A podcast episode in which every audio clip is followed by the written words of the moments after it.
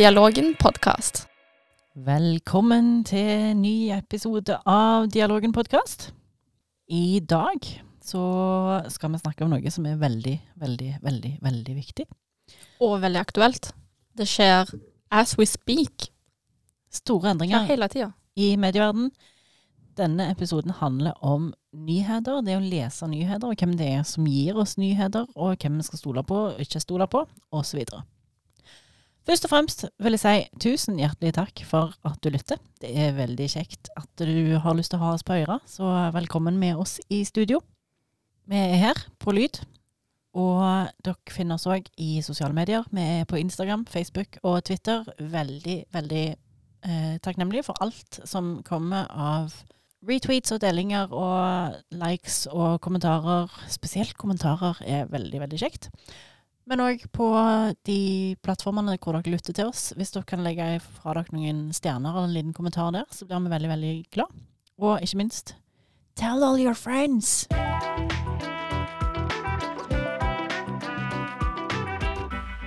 Du har vært en liten tur i Oslo, du, Anneli. Jeg reiste ens ærend for å få med det kule mennesket som vi har med oss i dag, Geir Sønneland. Han er politisk journalist i Stavanger Aftenblad, og jobber likevel fra hovedstaden. Så i dag skal vi snakke med han, eh, og det er jo hovedsakelig hans journalistrolle som eh, vi diskuterer. Men eh, han har jo en fot en føre når det gjelder dette emnet her. Så i dag, lang, god, bra episode, godt innhold om eh, nyheter, om journalistikk, om hva nyheter vi leser og hvorfor, og hva nyheter gjør med oss. Først skal dere få høre intervjuet med Sønneland. Så kommer panelet vårt. Selvfølgelig, for vi har jo podkastverdenens beste paneler. Og så skal Susanne og meg nerde godt og tydelig i noen minutter etter det igjen.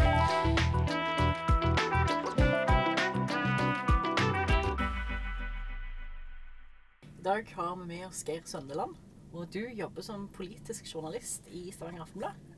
Og du holder til i Oslo. Så nå sitter vi i et lite glassbur og spiller inn. Og vi skal snakke litt med deg i dag om eh, aviser og hvorfor vi leser aviser. Og bakgrunnen da til Altså jobben til journalisten. Vi begynner rett i. Hva tenker du er din samfunnsrolle som politisk journalist? Samfunnsrolle er jo å ta tak i ting som samfunnet bør vite om.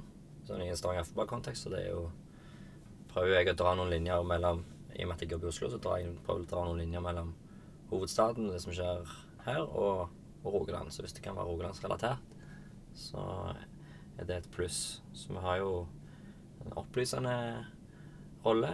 eh, Vi har en eh, underholdende rolle. Vi har en, en avdekkende rolle, en kritisk rolle. Så vi er jo med på å forme på en måte det folk er opptatt av å snakke om. Og kanskje folk bør være opptatt av å, å snakke om. Og så speiler vi òg litt egentlig samfunnet rundt oss, da. Altså ja, vi er journalister, men vi er òg vanlige folk med vanlige liv. Snakker med folk og ser, ser hva som skjer, og vi får mye innspill. Så vi blir på en måte speilbilde av det, som skjer i, i samfunnet. Hvordan velger dere saker, og vinkling av saker? Nei, det kommer jo bare inn på en faks, da, så ser vi hva som står, og så skriver vi det. Ja. Det gjør vi ikke, det, men det har jeg inntrykk av at mange tror. At det er sånn det Når faksmaskinen står sterkt i mediebildet. ja, Nei, det er Altså, det er jo veldig mange veier til rom, da. Uh, så det kan være alt fra at du Dokumentspor, eksempel. At du, du graver i dokumenter og søker innsyn, for det kan alle gjøre, faktisk. I, i et offentlig dokument som har gått uh, ut av en uh, sendt ut eller sendt inn til en offentlig organ eller institusjon, så kan folk søke innsyn. Det er mange som ikke er klar over, men det, det kan du gjøre. Så det holder journalister på med hele veien. Du kan bare sånn søke på stikkordsform og så se hva som er spennende som kommer, f.eks. Så det kan være en måte. En annen måte er jo at du, du har gjerne ansvar og oppsyn med et, et utvalg med kilder da, som du er i kontakt med f.eks. i det politiske miljøet. da. Eh, Så ut ifra den kontakten med de, og det de er opptatt av, og det, det er de en skal få fram, så kan du få saker. Vi får tips eh, om ulike saker. Så er jo òg når, når det bryter ut invasjon i Ukraina, selvfølgelig så, så skriver vi om det. sant? Pandemi, da skriver vi om det. Sant? Så vi, vi snur oss jo veldig fort om og skifter retning, da. Eh, så det gjør jo det veldig spennende, dette yrket. At vi på en måte du, Klisjé, men du vet ikke helt hva dagen eh, kan, kan bringe, da. Er det andre måter at saker kan stå opp. Du kan drømme deg fram til en sak. Altså, du har en, eh, våkner opp og så yes, det var en eh, eh, det, var en god, eh, det var en god idé. Den prøver jeg på morgenmøtet. Hvordan velger dere vinkling på sakene, da? Du har gjerne en idé, en retning, på en måte, en sånn tanke, en feeling på hva vinkling eh, saken skal ta. Det skjer veldig ofte at jeg dekker ting der ikke jeg vet aner, aner ikke hva vinkelen kommer til å være. Jeg skal dekke den pressekonferansen der, Erna Solberg eh, skal legge fram noe pandemitiltak. Men det er det eneste du vet før pressekonferansen, at de kommer med nye tiltak. Jeg vet ikke hva. Du vet ikke hva vinklingen blir da. Andre ganger så har du en, kanskje en klar tanke, og er gjerne oppfordret til å ha en klar tanke om, om hvor du vil hen med saken din. Og Da er det kanskje lettere å gjøre noen eh, kloke grep da, i, i når du samler inn info, og, og måten du bruker sansene dine på ute i felten og sånn. Det er mye snakk om clickbates og skremselspropaganda, algoritmer og ekkokammer. Er det noe dere snakker mye om og er bevisste på? Ja, vi, vi gjør jo det. Vi, altså, vi ser jo hva som på en måte foregår der ute i sosiale medier. En del av debatten som før foregikk i avisene, foregår jo i sosiale medier nå i stor grad. Sånn utenfor vår kontroll. Og så er jo liksom eh, algoritmene, sånn som jeg har forstått, eh, skrudd sammen sånn at du, Facebook eller den eh, Nå heter det ikke Facebook lenger, gjør det det? Meta. Meta. Meta. Dekker min alt. på en måte, Du får lett dyrka dine interesser. da, Du fremelsker på en måte hele veien det du, det du liker. Sånn, så du får, du, du får den der ekkokammereffekten bare med måten eh, sosiale medier er, er skrudd sammen på. Det gjør jo at eh, Og aviser lages jo ikke på den måten. Vi skal liksom tilby en meny av alt mulig. Både for de som er helt venstrevridde og høyrevridde. Det er jo en helt annen, helt annen greie. Men, men det her har jo liksom utslag i sånn skremmende ting. Bare se på USA og hvor måte splitta det landet er. Som jeg syns er ganske eh, skremmende. Det virker som om at eh, du kan dele USA i to, og de to delene vil nesten ikke prate med hverandre. Det er så stor mistillit, og dette her er jo fjula bl.a. av sosiale medier da, og ja, konspirasjonsteorier. Veldig mange faktorer som har gått inn i det. da, Og på en måte en mistillit kanskje, og en svekka tillit over tid til både politikere og myndigheter og mediene nå. Vi er jo på langt ifra kommet der i Norge, men hvis vi ikke forvalter den tilliten vi har allerede i dag på en god måte, så kan vi òg ta noen små skritt i feil retning. Ja. Det kan vi. Så vi er nødt til å være på en måte veldig bevisst på det. Og da, er du, da må du starte med Folk må kunne stole på at det du skriver, er riktig. Folk må kunne stole på at eh, når vi sier at vi er uavhengige, så er vi det. Folk må kunne stole på at når vi eh, sier at vi er uavhengige, så er vi det. Hvordan får du beholdt denne tilliten? Jeg eh, Altså senest nå denne uka her så skrev jeg om vindkrafta i Bjerkreim. Fordi der skal de bygge Eller det er planer om å bygge en, en, en vindkraftpark der med tolv turbiner opp til 200 meter høye. Eh, Og dette, skal, dette splitter jo Bjerkreim og, og politisk og alt sånn. Og det var enormt mange kommentarer på de artiklene som jeg skrev. Det, det er bra. Det er bra med debatt og sånn. En av de kommentarene var ja, eh, om, om han Jeg lurer på om han Geir Søndeland har hytta i Bjerkreim. fordi Altså, jeg tolker det han skrev som at eh, at jeg hadde en egen nesten sånn personlig agenda da mot dette. Sant? Ja, jeg stilte meg en kritiske spørsmål til ordføreren sånn, og, og var jo innom og stilte spørsmål til utbygger. Men det er ikke dermed sagt at selv om du stiller eh, kritiske spørsmål og løfter fram poenger da, eh, som kan fremstå som kritikk, så er det ikke dermed sagt at eh, jeg har tatt stilling til den saken, om jeg syns det er eh, eh, bra eller dårlig.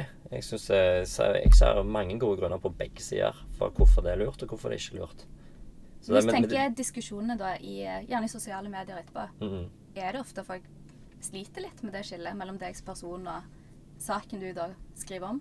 Ja, altså jeg, eh, jeg opplever at folk ikke helt kan forskjellen på det å være en vanlig på en måte, skrivende journalist, reporter, og kommentator. Eh, å drive med meningsjournalistikk er noe annet. Og så har jeg en bror som har vært gruppeleder i Venstre i Stavanger. Det har blitt brukt mot meg på en måte alt etter når det passer folk, å bruke det som et kort. Bare for å prøve å spenne bein på min troverdighet. Ja, men han er jo broren til han i Venstre. Ja, OK, men de vet ikke hva jeg stemmer, og det har ikke noe å si heller, for at jeg, jeg driver ikke med meningsjournalistikk. Sånn kort fortalt, da. Så vi ble på en måte utsatt litt for sånn småangrep og pirk på vår eh, som, som kan påvirke den oppfattede uavhengigheten da, og tilliten. Og det Én ting er når det liksom den, den menige leser på en måte kommer med sånne ting. Det, det er OK, fair enough.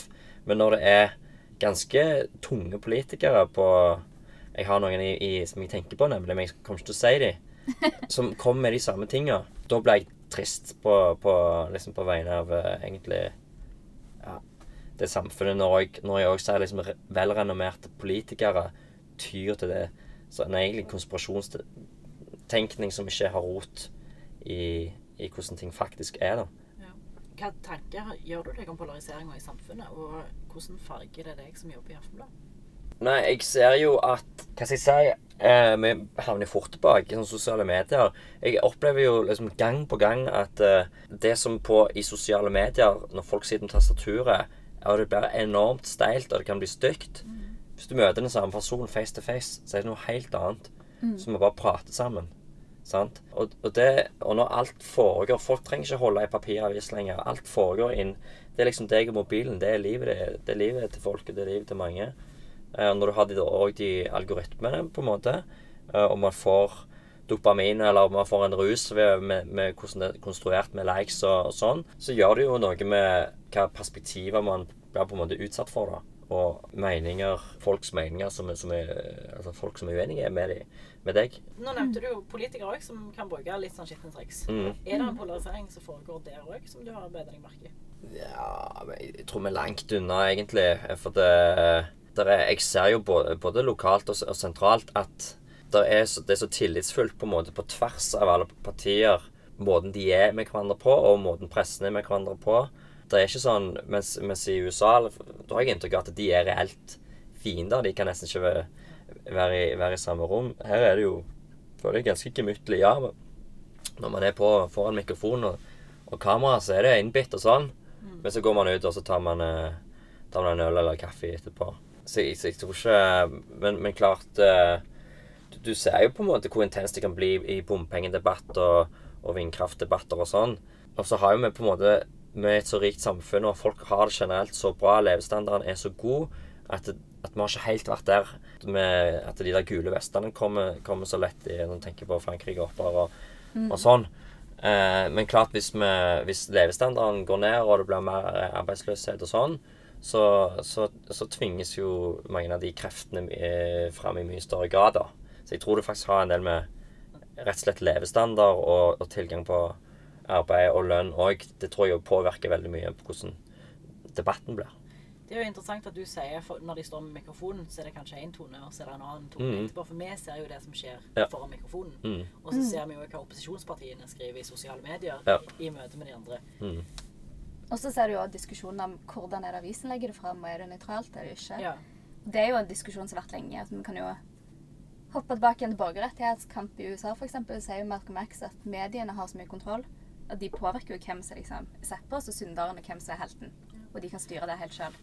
Men prøver dere å nyansere det bildet, da? På en måte. Hva bildet?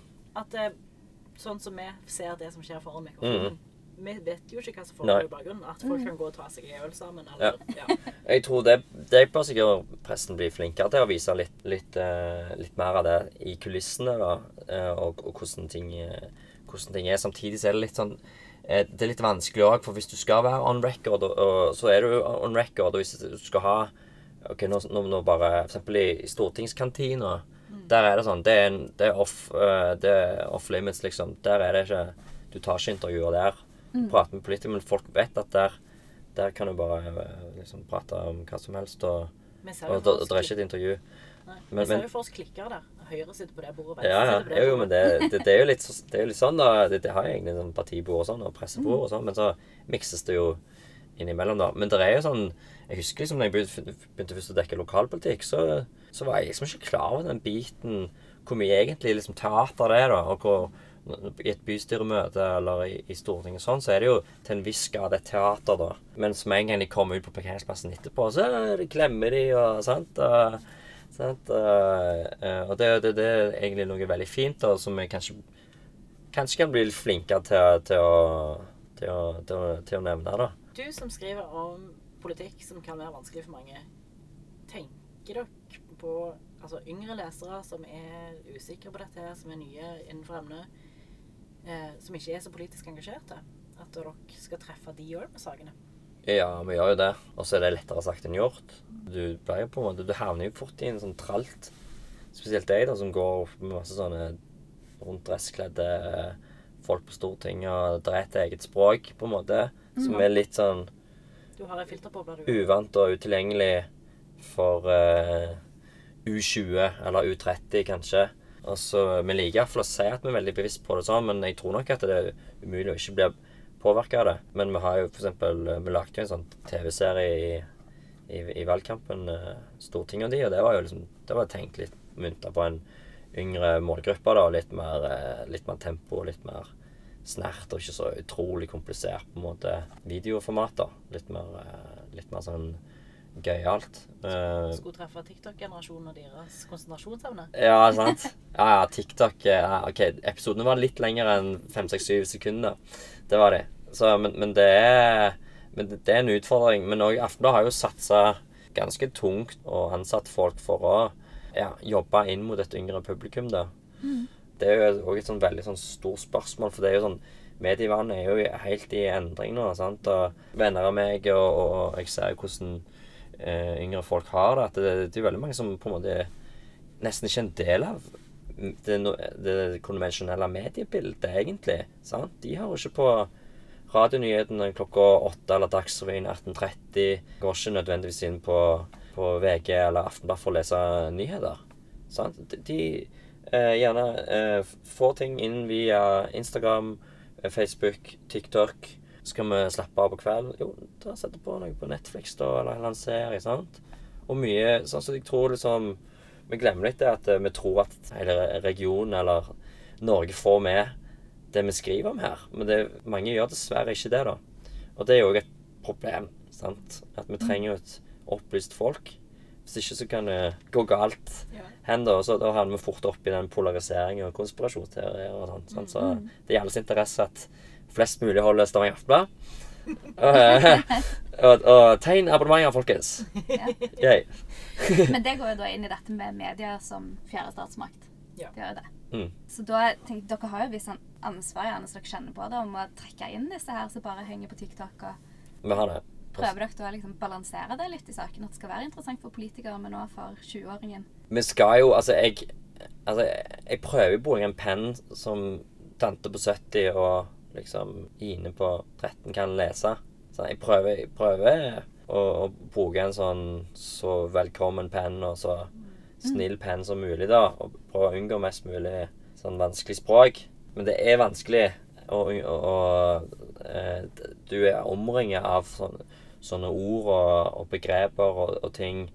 Og når du går i den suppa i, i mange år, da, til slutt så glemmer du at faktisk det her er et vanskelig ord. Det, det er et begrep som ikke alle, eh, alle skjønner. Og så skal du òg beholde din integritet overfor alle andre politiske Ja. journalister. Ja, sant? Hva er provenyeffekten av dette forslaget? sant? Jeg tror ikke jeg Jeg vet ikke jeg har skrevet proveny, men da håper jeg at jeg har for, forklart det. Hva det er. Det tror jeg. Sammen, Men sånne Jeg hører liksom på, sant, på NRK, på radioen og Dags 18 og sånn. Det er et ganske sånn eget språk. Som, og, det, og da tenker jeg det er ikke Det språket der passer ikke for å kalle TikTok-gjengen på, på U20. hva regner du som kvalitetsjournalistikk i dag? Det er jo kritisk avslørende. Eller avslørende. Da blir jeg sånn, sånn hm, Godt jobba. Her har du klart å avdekke maktmisbruk eller korrupsjon eller eh, løgn eller eh, misbruk av eh, skattebetalernes penger. Veldig mange sånne ting. Så det syns jeg er god journalistikk. Altså Hvis jeg blir overraska f.eks. av en god penn, en morsom penn Vi har morsomme penner i Aftenbladet. Det kan, det kan være veldig bra journalistikk. Jeg må jo si at de er jo veldig modige, på en måte, de som har dratt ned til Ukraina. Og det er ikke, de tar virkelig en for laget, og, de, de, og det er veldig viktig at, eh, at pressen er til stede. Så det er jo kanskje den aller viktigste journalistikken som foregår akkurat nå. da. Jeg kjenner jo folk som i journalistbransjen som når det oppstår en konflikt eh, så tenker de hm, her må jeg søke visum. Her må jeg. For jeg vil ned der. Jeg vil ned der og jobbe.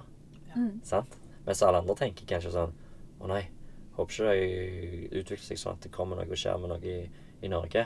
At russerne kommer over grensen, eller at det blir en flyktningstrøm som Uff, nei. sant? Sånn, det er litt sånn eh, Ja. Så det så all ære til de som, eh, som tar en for laget. Går det an, altså nå litt tilbake på denne konspirasjonsteorien. Mm. Du står jo veldig oppe i ting. Du har et godt perspektiv på hva som skjer. Og så er det enkelt på en måte å Eller merker du at noen stiller spørsmålstegn ved din virkelighetsoppfatning av dette her? Ja. Betviler hva Altså at du har en agenda med den broren, eksempel. Pandemi og vaksine og sånn.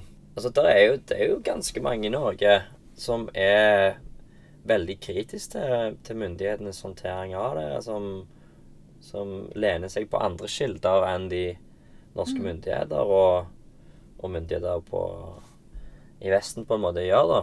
Og de, og de kritikerne de mener jo de mener ikke sjøl at de tror på eh, konspirasjonsteorier. De, de mener at de er, dette er håndfaste kilder for dem, og de tror, de tror på det. Så har majoriteten da i Norge og, og mange andre land har jo en, en, en annen oppfatning. Eh, men, men det er jo Så kan du si at eh, pressen jo, har jo på en måte i stor grad lagt til grunn at eh, Tror jeg er at den eh, vaksinestrategien og de tiltakene har funka sånn tålelig greit. da. Eh, selvfølgelig mye de kunne gjort annerledes eh, i etterpåklokskapens lys. Men da eh, merker det Jeg har fått en del tilbakemeldinger på at eh, fra lesere, da, som er liksom sånn dypt skuffa over at, at eh, du som enkeltjournalist eller vi som avis eller som presse samla at, at vi på en måte ikke vil lytte. At vi ikke vil skrive om, om de tingene. Mange leser jo nesten bare overskrifter og danner seg et virkelighetsbilde av det. Er det noe dere tenker òg på med utforming av overskrifter og det er litt vanskelig på en måte å lage Altså, du kan ikke ha hele saken din i tittelen, for å si det sånn. Vi kan nesten ikke ta hensyn til at uh, vi skal tenke på de som i utgangspunktet ikke er interessert i å lese stoffet vårt. De som er fullblods 100 gratispassasjerer. Eh, som eh, Men, men, eh, ikke annet enn at titler det skal være dekning for dem, og det skal ikke, vi skal ikke gi leseren en ekkel følelse av å ha blitt lurt inn i noe de egentlig ikke hadde lyst til å lese, f.eks. Nei, så dere er bevisste på denne clickbait-strategien og Med det. Eh, altså, treffer vi av og til, så treffer vi bommer av og til. Ikke sant? Sånn er det bare. Bare her i Oslo så er det aviser som har vidt forskjellige strategier på hvordan de fronter ting. Og... Men husk på at de, de gjør det jo for en grunn. Det er for at det, ty det funker tydeligvis. Og dermed sånn OK, skal vi skylde på pressen, eller skal vi skylde på folket? Eh, disse idiotene som, som vil ha det på den måten. sant? Eh, så, det, så det er jo ikke uten grunn at det blir sånn, da. Må du være en habil og god leser og gå i dybden på artikler for å være oppdatert? Er det skriftlig journalistikk på en måte som er den beste? Nei, det tror jeg ikke. Jeg tror Nå er det såpass mye bra, ikke minst denne her, eh, på podkastmarkedet at eh, jeg tror folk kan få med seg mye eh, av verden og omgivelsene sine via podkastmedia. Jeg tror nok at du, du er nok eh, altså Pluss at du, du får veldig mye gratis stoff fra mediene. Eh, og det er jo litt av på en måte problemet til oss som er avhengige av faktisk for å ha abonnenter, da. At f.eks. for eksempel NRK er veldig store gratis. Du ikke trenger å være abonnent, og du, du får mye gratis tilgang via sosiale medier. Annonsekronene forsvinner der. Kunnskap er makt. Hvis vi skal se litt over på leseren, eh, så har de Altså, de har jo et ansvar sjøl òg, kanskje. Men må avisene, tror du, til neste år å endre seg for å møte Ny Altså, type leser, nesten. ikke, Ja, eller ikke ny type leser, men endrede vaner hos leser, leserne. Ja, det må vi. Men vi, men vi endrer oss jo hele veien, da. Det pågår endring kontinuerlig. Det er liksom litt i, i avisens natur å endre seg hele veien. Selv om du snakker om den faksmaskinen. Ja. ja.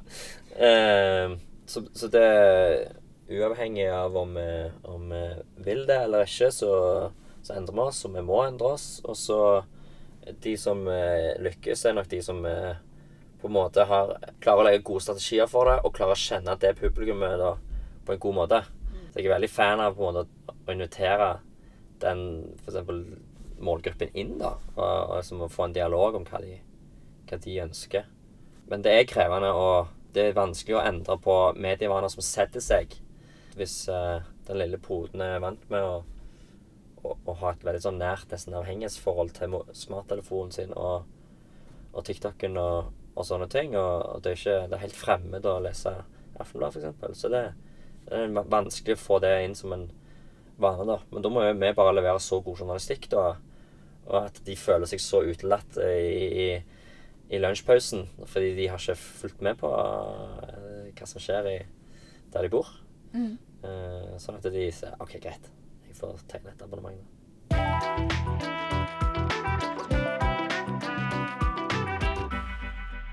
Det var da intervjuet med Geir Sønneland. Og for meg som da ikke var med til Oslo, men som har fått hørt på dette her i ettertid, så må jeg jo si at det sitter igjen med noen nye perspektiver nå etterpå. De skal jo vi diskutere etterpå. Men det var Ja, hva skal jeg si?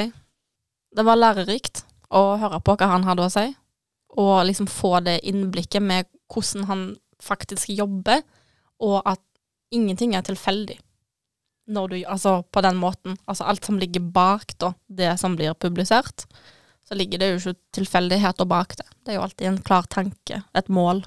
Vi jobber jo òg veldig mye med ting som dette her i klasserommet, og sier jo til elevene at her er det ingen tilfeldigheter. Veldig mye av det vi ser er ting som er planlagt, som er gjennomtenkt, som er strukturert og, og bearbeida. Og nå blir det bekrefta. Ja. Og vi skal snakke mer om det nå etter hvert. Men først og fremst så skal vi høre fra vårt eminente panel. I dag har vi med oss Mari Ramdal, Roar Åkerlund og Siri Hauge Solbakken. Og det vi har spurt panelet om denne uka her, det er hvor de får nyhetene sine fra. Mine nyheter eh, pff, Jeg er jo sånn eh, akkurat sånn nyhetskildemessig så tror jeg jeg er sånn mental alder rundt 90. Det er jo NRK. det er de trauste. Um, ja ja, det er jo alltid litt sånn innom VG og Dagbladet og nett og sånn, men uh, det er mye Aftenposten og Aftenbladet og NRK. Fordi føler jeg at det er liksom, trygge kilder, da. Ellers alt annet som jeg får fra andre kilder, det ser jeg vel mer på som sladder enn som nyheter, egentlig. Stort sett uh, så er jeg jo, følger jeg med på nettaviser. Uh, det er jo VG og Aftenbladet, stort sett. Uh, Rogalands Avis de lokalmediene, er stort sett for, for, å få med meg det som skjer rundt Viking. Hører på radio, og der får jeg nyheter. Og så sjekker jeg jo selvfølgelig nettavisene av og til. Ja, da er det nrk.no og Aftenbladet. Og så har jeg nettopp blitt anbefalt et magasin som heter Harvest. Og det liker jeg veldig godt, som går litt mer i dybden, og som igjen ser på verden litt annerledes enn vi møter i nyhetene og massemediene.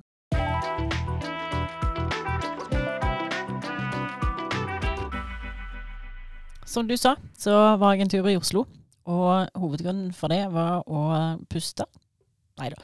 Eh, som alltid så er det jo det, hvis du reiser vekk, så er det bare for å puste. Jeg var der sammen med Elise, og vi var på min aller første Viking bortekamp. Og det var jo ikke så lenge etter vi hadde hatt vår episode om Viking og fotball.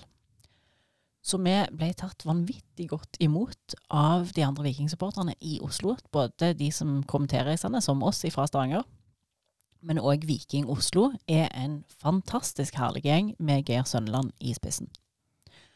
Og vi hadde jo planlagt denne her episoden lenge, og skal si litt, sen litt senere hvem vi skulle hatt med, og litt sånn. Men så satt jeg og snakket med han, og så er det ei som sier Trenger du en journalist? Ja, men han er journalist.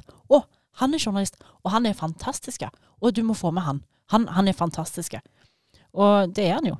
Er der, altså, når du har hørt intervjuet med han her nå, så er det jo Dette er en mann som det står respekt av.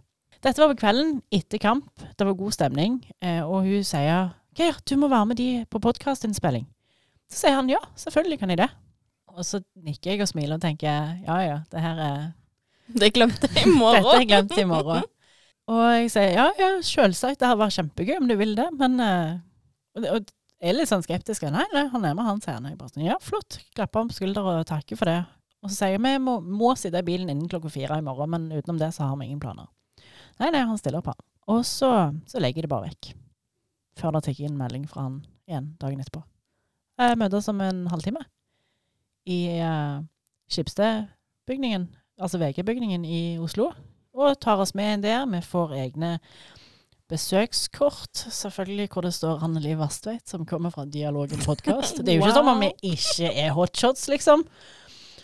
Eh, og vi får selvfølgelig fotograf fra Aftenposten. En av de, deres ansatte fotografer. Nei, det er ikke mange av de, så de som er der, de er dyktige til å ta bilder til promotering av episoden. Det er gøy med podkast. Nye, ta, ta oss med på Eller nå var det jo deg, da. Neste gang så blir jeg med. Vi har nettopp hatt et lite intervju, nei, et lite eventyr i studio her rett før vi begynte å spille inn denne. Ja. Så det, det er mye kjekt. Er mye kjekt. Folk får tolke den sånn som de vil, men, men poenget er jo Altså, vi gjør så mye kjekt som vi vanligvis ikke hadde gjort, fordi det, Nei, det, det er ikke sånn det funker, liksom. Eh, så det er vanvittig gøy, og ja. Men vi skal ikke bare sitte og skryte, vi skal jo være litt saklige her òg. I dette her intervjuet så bruker vi både ord og uttrykk og snakker om mye greier som folk kanskje ikke har tenkt så mye over, og kanskje ikke hørt så mye om heller. Vi underviser i det på skolen, så vi blir sånn blinde for det og tenker nei, nei, alle vet jo hva clickbait er for noe. Susanne, hva er clickbait for noe? For det snakket vi litt om. Ja, altså Ja. Det ligger jo i ordet. Det er et uh, beit. og Akkurat nå så kommer jeg ikke på hva det heter på norsk. Det er et agn. Et uh, agn. Hvorfor tenkte jeg på åte? Er det jo en ting? Ja, whatever. Uh, altså, det er rett og slett uh, agn. Altså, det skal En Det- meitemark på en krok. Ja, en meitemark på kroken. Altså, det skal eksempel være en overskrift eller et uh, bilde som skal være sånn at du skal trykke inn på det. Ja. Og når du trykker inn på det, så er det gjerne ikke sånn som det ble framstilt med Se hva Bilde. Linni Meister sant. gjorde etter dette. Ja. Og så skal du bli veldig nysgjerrig. Eh, og så er det egentlig Og, hva, og hva, hva gjorde hun? Hun lagde en kopp kaffe, og så hadde vi helmelk istedenfor laktosefri melk. For eksempel. Sant? Altså, sånn, det er sånn svada. Der, Altså, det, det, altså, det er lureri. Og for eksempel hun her, eh, mamma til Michelle, for å være litt eh, lokale, da. Hun er jo kåra til clickbait- clickbait-dronninga. Her er det liksom snakk om at det, det er slutt mellom hun og Jan. Eh, så går du inn på, leser, leser, scroller, blar, bilder, og så viser det seg at de har sagt opp Netflix. Ja, Mm. selvfølgelig. Mm. Og dette får Susanne med seg. Eh, all kreds til deg for den. For den, det eksempelet der kunne ikke jeg dratt fram. eh, skremselspropaganda nevnte vi litt. Og det er jo når eh, noen kommer med propaganda som skal skremme deg. Og brexit er et veldig godt eksempel på det. Og Mm. òg når de hadde avstemning om selvstendighet i Skottland. Ja. Så spesielt i Skottland så var det da de som stemte nei til selvstendighet, som gikk ut og så skremte de andre. Hva vil skje? Og dette er jo noe som skjer på et større nivå, da. Ja, enn f.eks. clickbait. Her snakker vi om på en måte samfunnsstrukturer, nesten. Eller ideologi. Ja, det er mye, det er mye sånn Altså, det er mye reklame eh, og kampanjer og sånn. Mm, altså, Men en, da- en politiker kan jo drive det Trump, altså. Men ja. Men da kjørte de kampanjer, der, eller reklamefilmer, der de viste foreldre som satt og engsta seg voldsomt over hva som ville skje med ungene deres. Fordi Skottland vil mest sannsynlig ikke ha penger nok til å kunne styre skolene. mm. Så hva skjer da med framtida? Det er Mye for å skape frykt Ja. og usikkerhet. Hva skjer hvis vi mister pundet? Vi har ikke noe alternativ. Hmm, kanskje sitter vi uten penger. Og så er det sånn Det høres bra ut, det. ja, Men det er vel litt sånn urealistiske eh, skremsels... Ja.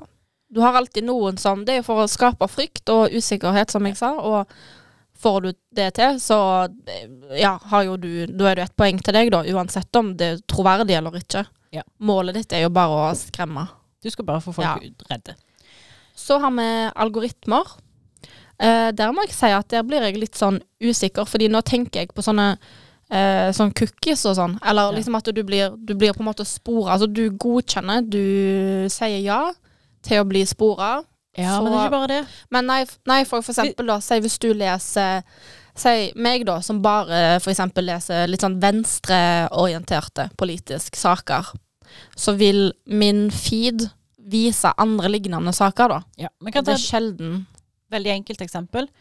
Hvis du kjøper bøker på Amazon, så kommer du inn og så kjøper du ei bok, og så sier de andre folk som har kjøpt denne boka, har òg kjøpt disse bøkene.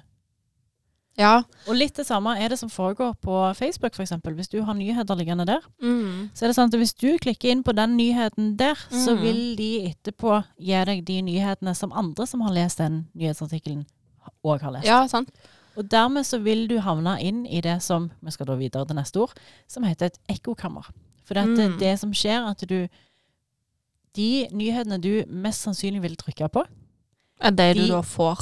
er det du får, og så vil du få flere av det.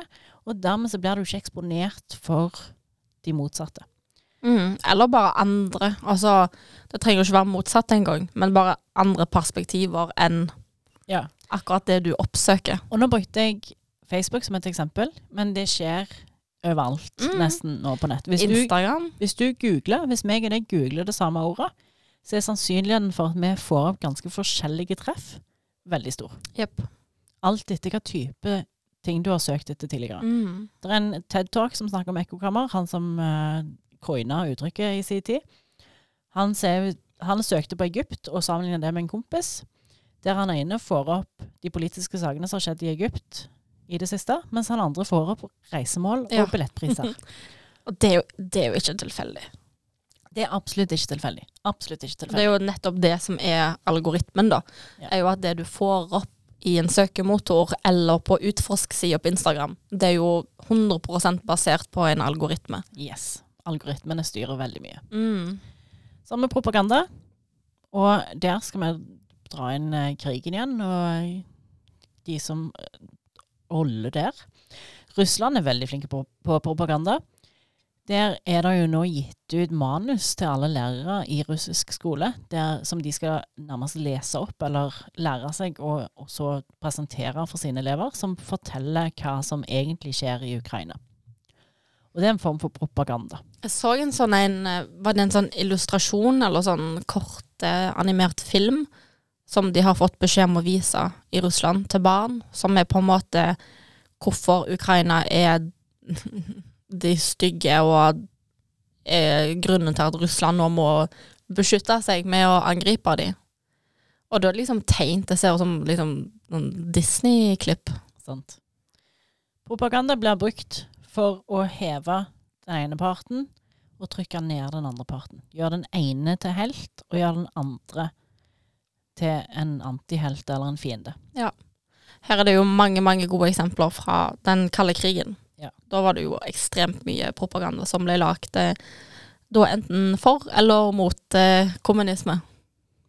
Og så er det jo selvfølgelig de som vil da si at det er akkurat det samme som foregår i eh, Ukraina. For der Mhm. sitter jo folk og gjør uh, Zelenskyj til helt. Og så må vi da passe på perspektivene og hvem vi hører på. Et annet begrep dere snakker om, er jo da den fjerde statsmakt. Ja, så de tre statsmaktene som vi har, er lovgivningsmakta, som er altså den folkevalgte forsamlinga, altså Stortinget. Den utøvende makta, den skulle tidligere ligge hos kongen, men ligger nå hos regjeringa. Og så har vi domsmakta, som da legges til domstoler. Fjerde statsmakten er medier, Mm. og mediene skal passe på de tre første, andre, tredje statsmaktene. Og så skal de da informere oss andre om hva det er de holder på med, sånn at vi kan ta aksjon Mm. hvis en av de tre andre skulle gjøre noe feil. Det som står på SNL, er at eh, media, da, som en fjerde statsmakt, har, de har bare som jobb å formidle, men har ingen styringsfunksjon. Jeg vil jo si at det er jo verdt å diskutere. Ja, For jeg vil absolutt si at media kan ha en styringsfunksjon, ikke på et sånn, hva skal jeg si, konstituert samfunnsnivå, sant? men at de kan påvirke nok. Ja, Så de gjør det ikke direkte sjøl, men de kan Nei, påvirke andre ja, til å gjøre det. Sant? Og det er jo det vi skal være forsiktige med. Mm. Og derfor har vi Vær varsom-plakat og diverse. Ja. Men det som skjer i eh, samfunnet når vi har sånne ekkokammer, og vi har disse algoritmene, og vi har folk som driver med propaganda, er at vi fort kan få en polarisering i samfunnet. Og når vi sier polarisering, så tenker vi magnet, at du har en eh, negativ pol og en positiv pol, og at det, det altså står i motsetning til hverandre. Jeg som har jobba i brillebransjen i 20 år, så er jo polarisering for meg en glassbehandling på solbriller. Men det kan sikkert overføres, fordi polarisering i eh, brilleglass, det har du i solbriller, det er at den fjerner all overflødig lys, og den, eh, konsentrer, Altså det er en konsentrert behandling som liksom viser kontraster. Ja. At den fjerner all lys, uh, lysstråling som er Altså alle andre perspektiver. Alt annet forsvinner. Du får ser én ting veldig tydelig. Yes. Det er polarisering i glass. Og Og, og det er vi litt redde for. At eh, polarisering i samfunnet gjør at eh, folk ikke hører på hverandre. De setter seg i motstridende grupper. Og så blir det en sånn oss og de-mentalitet som fort kan føre til negativ, mm, negative tendenser. for eksempel sånn som Stortinget nå er bygd opp, at vi kaller ting for venstre- og høyresida. Det er jo en form for polarisering. Ja, vi er veldig glad i sentrumssida, da, som kan binde ting i sammen. Og så er det jo det at eh, altså vi har, der, er så mye, der er sinnssykt mye informasjon der ute. Og i dag så skal du jo ta inn så vanvittig mye. Det er òg noe vi snakker om, hvor altså, all den informasjonen som kommer fra så mange forskjellige medier. For det at vi sitter jo her som noen nolduser og kjører på med en podkast som ikke er knytta til noe mediehus, og kan si akkurat hva vi vil uten at noen prøver å stanse oss. Vi sitter jo i en posisjon hvor vi kan si stort sett det vi vil nå, uten at noen kontrollerer det. Mm. Men hvis vi sier noe feil, så gi gjerne beskjed til oss. Det setter vi veldig stor pris på. Så snakket vi litt om dette med konsentrasjonsvansker. På sosiale medier, eller på grunn av sosiale medier kanskje, så er vi blitt så vant med at ting skjer så fort. Og endrer seg sånn hele veien at vi er ikke lenger vant med å sette oss ned og fordype oss i noe. Og kanskje fordi det, det er mest opp til deg. Vi har så vanvittig mange kanaler vi kan bytte mellom på eget initiativ når vi er lei og når vi vil, sant. Mm. Du skal ikke mange år tilbake før det var ikke noe du kunne styre sjøl, sånn uten videre. Nei, altså i, i gamle dager i hermetegn satte du deg ned og så så du på nyhetene på NRK Mm. på kvelden. Så måtte du vente på Ja. Da var ungene i seng, så da kunne du se de der fæle bildene mm. fra krigen osv. Ja. Men da satt du og venta på den. Nå har du jo oppdatering på mobilen om hva som har skjedd, og du får inn ping fra VG og fra Aftenposten osv. Og, og du får det hele veien og konstant. Vi vet jo hva som skjer i verden. Men samtidig så er vi da vant med TikTok eller reels på Instagram, der hver eneste informasjonsbit ikke skal vare i mer enn 15 sekunder, og du får en sånn Du er vant med at du skal bli underholdt hele veien, og det skal skje noe kontinuerlig, konstant. ja, og at det skal være gøy. Ja. Og hvis det Det ikke er er gøy, sånn så skrur vi av. Sant? Og der er jeg litt sånn når, Vi i dag vi er fryktelig dårlige på liksom kjede oss, rett og slett. Ja. Eller ta en én ting om gangen. Sette deg ned og så lese den der fordypningsartikkelen på NRK eller i Aftenbladet, istedenfor å få det inn fra små videosnutter som VG har lagt ut på TikTok. Og jeg, er jo av den generasjonen sjøl òg, eller i hvert fall blitt til det etter hvert. For det, sånn som når jeg satt og skrev disse notatene her, så leser jeg en artikkel hos The Guardian mens jeg skriver dette her, samtidig som jeg hører på en TED-talk av Zainab Tufeki. Ja, sant. Hva skjer med konsentrasjonen vår? Men ja, altså, vi har jo begge vokst opp med papiravis, men òg altså, altså, selvfølgelig på TV og radio og alt dette her. Og jeg liker også å kalle det for litt sånn treige nyheter. Du, du venter jo til neste dag, gjerne for å få gårsdagens nyheter, sant?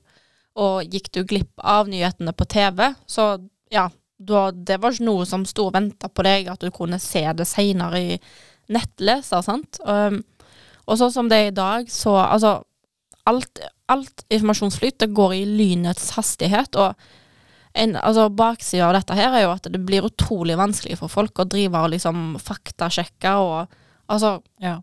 Sånn, men man kan jo si ok, sånn har det alltid vært, men det er så utrolig mye i dag at det er sånn Hvor skal du begynne egentlig med For min del, altså det jeg gjør i de situasjonene, det kom jeg på nå mens vi snakker om det, at eh, sånn som når ting begynte å skje i Ukraina, så kjente jeg at dette kan jeg ikke veldig mye om.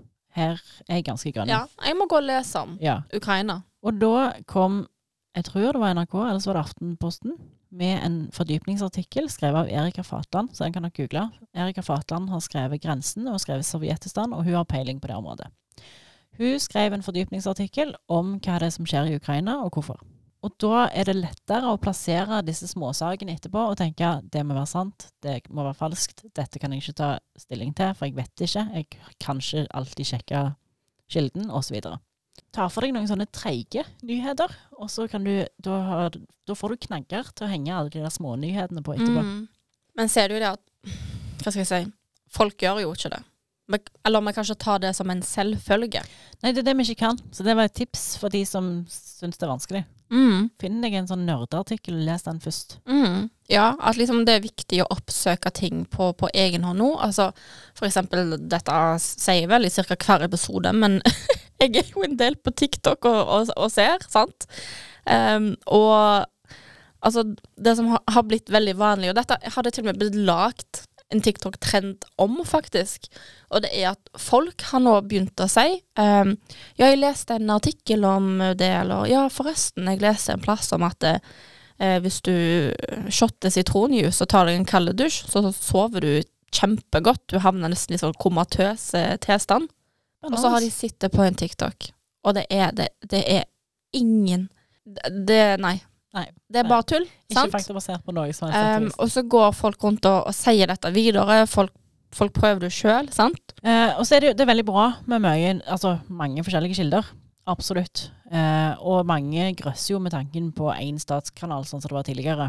Heldigvis i Norge så har vi NRK som fungerer godt, men så har vi Russland som et eksempel som ikke er der.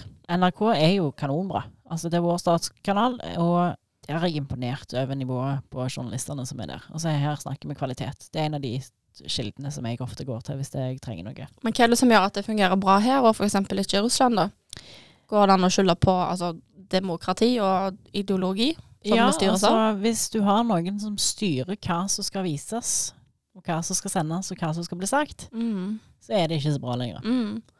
Men hvis du går i kommentarfeltet på en helt uh, tilfeldig NRK-artikkel, så leser jeg ofte eh, Frank eh, Ole på 56 år som har sånne spy-emojis og skriver sånn 'Nok en eh, kommunistartikkel fra kommunist-NRK', sant? Og, og det er jo, holdt på å si Er det et problem? Veldig mange journalister er venstrevridde. Men det vil jo ofte si om journalister generelt. I, i forskningsmiljøene òg viser det seg jo at folk som jobber og har høy utdanning, er i høyere tendens enn andre er mer venstrevridde politisk sett. En ting som Geir eh, O sier i intervjuet, er jo at eh, i USA så er det jo en vanvittig stor splittelse mellom da, altså det vi vil kalle for venstre og høyre. Ja, Demokratene og republikanerne. Mm. Og det vises jo veldig godt. Eksempel med nyhetene. Det er jo bare å se hvem er det som ser på Fox News.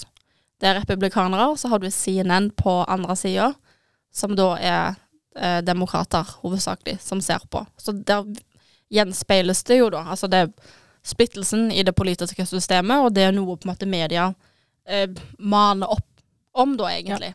Og bidrar da til det vi vil kalle for polarisering. Ja. Og det er jo det som er litt skummelt når media er med å styre den polariseringa, for det er jo det vi ofte ikke vil. Og det er jo det som skjer med de algoritmene òg. At eh, media òg blir knytta til det, for at de skal passe på at eh, de som lytter, får de eh, Nei, de som ser eller leser eller trykker, de må gi det de de vil ha. For at de skal fortsette å Ja. Og da oppsøke. Ja, sant. vi det ekkokamre i, i, i avisen òg, altså. Ikke bare Mm. på sosiale medier.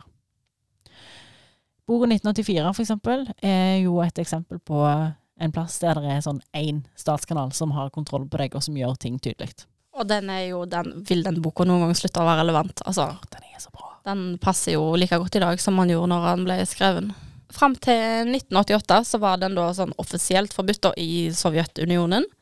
Fordi den er antikommunistisk, boka. Eh, det som da er ironisk, er jo at den nå har vært forbudt i eh, USA. Eksempel i Texas så er den fortsatt forbudt en dag i dag. Fordi han er for kommunistisk. Fordi den er for kommunisme. sant? Og så viser det seg jo at eh, 1984 er ingen av delene. Den er eh, anti-autoritær. Eh, noe som da lar forbudet snakke for seg sjøl. Det er liksom Nei. Helt nydelig. Nei, det som jeg liker med NRK, er jo at NRK er flinke til å vise perspektiver. For eksempel nå i de siste dager så har der i Sverige, og, og litt på Østlandet her, hos, altså hovedsakelig i Sverige, eh, Rasmus Paludan han er en dansk og svensk advokat. Han er samfunnsdebattant og politiker. Partileder for det danske partiet Stram kurs. Oi. Allerede OK, ja. Jeg er ikke kjent med dansk politikk, men allerede på navnet så hører jeg hvor vi skal. Yes. Eh, det partiet ønsker bl.a. å forby islam i Danmark og utvise menneskegrupper med ikke-vestlig bakgrunn. Og I Ja. tillegg så ligner han på Boris Johnson, han har samme sveisen, men eh, ikke samme hårfargen. Og ligner litt sånn generelt sett òg. og så er Instagram-navnet hans Law Lord of Denmark. Å ja, OK. Oh yes. Men det han har gjort, er at han har reist rundt i det siste, og så har han brent eh, koraner. For Ja. det syns han er, er gøy. Litt rolig, litt rolig koranbrenning. Ja, og da har jo hovedsakelig minoritetsgrupper, altså egentlig medlemmer av minoritetsgrupper i Sverige, reagert veldig på det. Det er unge menn som regel med ikke-vestlig og eller muslimsk bakgrunn som reagerer veldig kraftig på dette, og det er jo det som har vært i avisene, at de har, Mm. eh, har brent opp politibiler og så videre og så videre. Det jeg mener med perspektiver her, da, er jo at eh, her kan media velge å fokusere f.eks. på disse aggressive, sinte, unge muslimene som kommer til Sverige og får alt servert på ja. sulfat, og så Setter er de fyr på på politibiler Mm. og viser null respekt. Eller det går an å fokusere på Paludan, som kaller seg Law Lord of Denmark. Si det en gang til. Law Lord of Denmark. Altså, ja. Mhm. Og så ligner han på, på Boris Johnson. Det blir veldig fort en polarisering av disse gruppene. Men her er det jo hovedsakelig frykt som blir spilt på begge veier. Vi har minoriteter som føler seg maktesløse i et nytt land. Vi har folk som er redde for det ukjente og vil Mm. hive ut alle de som er ukjente, som vi er redde for. Det er jo derfor han brenner, driver og brenner Koranen. Han vil framprovosere dere. Han vet hva som Ja. skjer. Han vet hvem han irriterer og provoserer. Han vet de setter fyr på biler. Men poenget er bare at det er en polarisering av disse her gruppene, og det blir fyrt opp mot hverandre. Og der må media være veldig flinke til å prøve å vise begge sider og forklare hva er det de forskjellige sidene her reagerer på, og hvorfor reagerer de sånn som de gjorde. Og det er hvordan de omtaler de, hva bilder som blir brukt, er det positivt og negativt ladde ord, osv. De perspektivene der er så vanvittig viktige. Han skal få lov å brenne koraner, fordi at vi har ytringsfrihet, og du skal ikke måtte straffes for en sånn handling. Men ødelegger du noen andres eiendom, som f.eks. en politibil, så er det straff i det. Vi må få fram perspektivene, vi må se ting fra begge sider. Jeg tenkte å smiske litt. Smiske litt? Ja. Men du, vi lærere, hva skjønner vi Hva skjønner du skal få smiske? Helt ærlig smisking. Jeg er gysla glad i Stavanger Aftenblad. Det er lokalavisa vår, og de har en integritet som er helt forbilledlige. Elsker det. Og jeg sier det ikke pga. at Geir er med oss i denne episoden. Eh, men eh, vi var innom der på klassebesøk òg for ikke så lenge siden. Hvis du går inn på digitalavisa til Aftenbladet, altså på nett, og ser på de seks øverste sakene der, så passer de på at det alltid er Altså, i de seks sakene så har de dekka ganske mange forskjellige emner. Det er lokalt, det er sport, det er de store sakene, osv. Men der er ikke clickbates og mas. Hvis du går på Aftenbladet, så går du rett over på dagbladet.no etterpå. Og beklager hvis du fikk angst nå, for dette det gjør jeg nesten når jeg ser på den nettsida til, Dagbladet. Der er det svart og rødt og gult, og det blinker. Mm, ja, der skjer det mye, og det er stressende. Ja. Og sånn trenger det ikke være. Og så må jeg òg hive inn altså, Geir Sønland, en av mine nye helter. Ehm, men vi inviterte jo egentlig en annen helt her tidligere. Eh, det skal være sånn flau å fortelle det, men eh, jeg sendte en melding til en av de som jeg ser mest opp til i Stavanger Aftenblad. Hun heter Hilde Øvrebekk.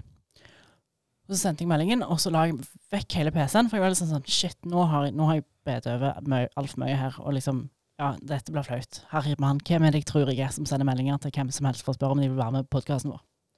Så jeg la langt, langt Nei, la PC-en langt, langt vekk, men så plinger det i mobilen etter sånn tre minutter.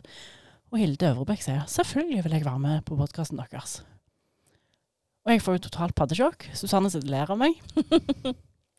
Men så fikk vi covid, og så fikk hun covid, og så fikk den andre covid, og så ble det isolasjon, og så sånn, og så sånn, og så sånn, og så sånn. Eh, så jeg prøver ikke å si at Sønneland er noen erstatning for Øvrebekk. Eh, jeg setter bare veldig pris på at hun Kule dame.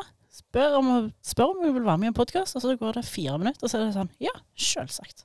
Vi tar en raincheck på den. Ja ja, vi tar Ja. med en, en gang senere. Men uh, det der, nå har vi fått uh, smiska litt Simpa, heter det i disse dager, over Aftenblad og over Øvrebekk. Men der er det flinke, kloke, intelligente mennesker. Det er ikke alle lokalaviser som har så flinke, kloke, intelligente mennesker som det vi har i denne avisa der. Og det må vi bare få fram at det er er veldig takknemlig for det. Og så en annen ting også, som jeg kan snakke litt om sånn helt eh, avslutningsvis, det er jo at selv om det er vanvittig mange inntrykk i monitor, og sant, det blinker og dette her, så her, her kan du Du er jo en slags forbruker, og her kan jo du ta veldig bevisste valg om hva type nyheter som du ønsker å, å lese og holde deg oppdatert på, sant? Og husk at liksom du sjøl kan lage deg et sånn filter, og her handler det ikke om at bare den type saker og sånn, men altså det finnes egne aviser, f.eks. Verdens beste nyheter, som er da en norsk avis som kun fokuserer på positive. Og så mener jeg at du skal ikke bare gjøre det, men altså der kan du gå innom, og der blir du ikke så overvelda som du kan bli av andre aviser, som gjerne skal kanskje skremme deg litt, eller gjøre deg litt engstelig, da, sant? Ja, jeg leste om det i Morgenbladet. Det var en kommentar der fra Ole Jakob Madsen, som er professor i psykologi ved Universitetet i Oslo. Og han stilte spørsmål om er vi i ferd med å få en terapeutisk nyhetskultur. Ja, sant. For det du kan føle deg utbrent av nyheter. Det er nye altså, nyheter om hva som skjer i Mhm. Ukraina. Gjennom pandemien så var det nyheter om varianter. Ja, sant. Altså, det, det stopper jo aldri. Nei. Og hvis du skal være en engasjert borger som vet hva som skjer i verden, så må du holde deg oppdatert. Og du må òg ha et overskudd til å kunne på en måte gjøre noe med det, og reflektere over det, og kunne prosessere det, og få det ut i livet i tillegg. Eh, og han snakker om en som heter Rolf Dobbelis, som har skrevet 'Kunsten å tenke klart'. Eh, og der anbefales det å ikke lese nyheter hver dag. Okay.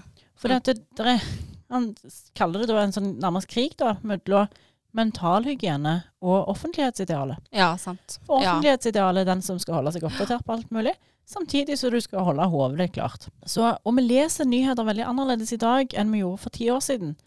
For tidligere så var det jo sånn at du leste Den var bygd opp sånn at du fikk mye av dritet med en gang. Altså det krigene og de fæle bildene og sånn. Ja. Og så avslutter vi med denne kattehistorien Ja. fra Gu- Og litt Gunnlaug sport og Ja. været og Det var bygd opp på en annen måte. I dag er det vi som styrer den strukturen sjøl. Og vi kan ikke holde oss informerte om alt. Er det jo da så viktig eh, Vi har bedre av de positive nyhetene, sånn som det er eh, verdens beste nyheter, som du nevnte. Mm. Men òg myke nyheter, som er mer menneskeorienterte. For at vi får ikke ofte sak Altså veldig mye i det som skjer i avisene, er hva som skjedde i går, hva som har skjedd de siste timene, hva som skjer hele veien. Men de menneskeorienterte som òg ser på utviklingstrender som er langsomme, som skjer over lengre periode. Hva aviser leser du, Susanne? Jeg, eh, jeg får Klassekampen igjen. Um, som dekker mye av mitt uh, politiske syn.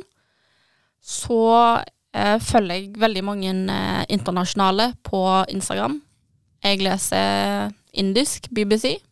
Så jeg Ja, why not? Um, ja, så er jeg på Aftenbladet og Aftenposten og NRK hovedsakelig.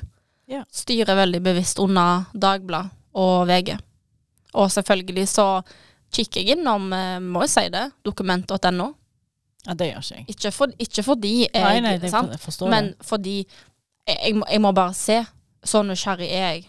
Det er ingenting som gjør et menneske mindre attraktivt enn hvis de sender artikler fra dokumenter til Nei, men bare det at det finnes, og at jeg vet om det, og jeg vet Ja. at folk uironisk um, er der. Ja. Så gjør jeg òg det, bare fordi det, det gir meg et perspektiv som Ja. Dokument.no og Resett.no. Mm, Litt sånn skumle sider. Eh, for der folk tror på det som står der ofte. Eh, og det er litt sånn vemmelig, egentlig. Ja. Mm. Jeg eh, holder Morgenbladet. Den får jeg i postkassen Ja. i papirformat. Jeg har digitalabonnement på Aftenblad, sånn at jeg kan lese alle artiklene på nett. Jeg har ikke lenger PDF-format aviser. Jeg er innom Aftenposten av og til, men som regel så er det sånn at hvis det er en artikkel som er bra nok, så dukker den opp. Og der har jeg ikke abonnement, men den dukker opp i Aftenblad en dag eller to etterpå. Hvis ja, den er bra nok. stemmer. NRK er jeg ofte innom. Og så er jeg òg så gammel at eh, Ja, så har jeg digital abonnement på New York Times. Og så er jeg såpass gammel at jeg er på Facebook ennå. Og der liker jeg å følge BBC, The Scotsman, BBC ja. Scotland og så en del andre. Sånn, som jeg husker ikke Og The Guardian er jeg veldig fan av. Ja.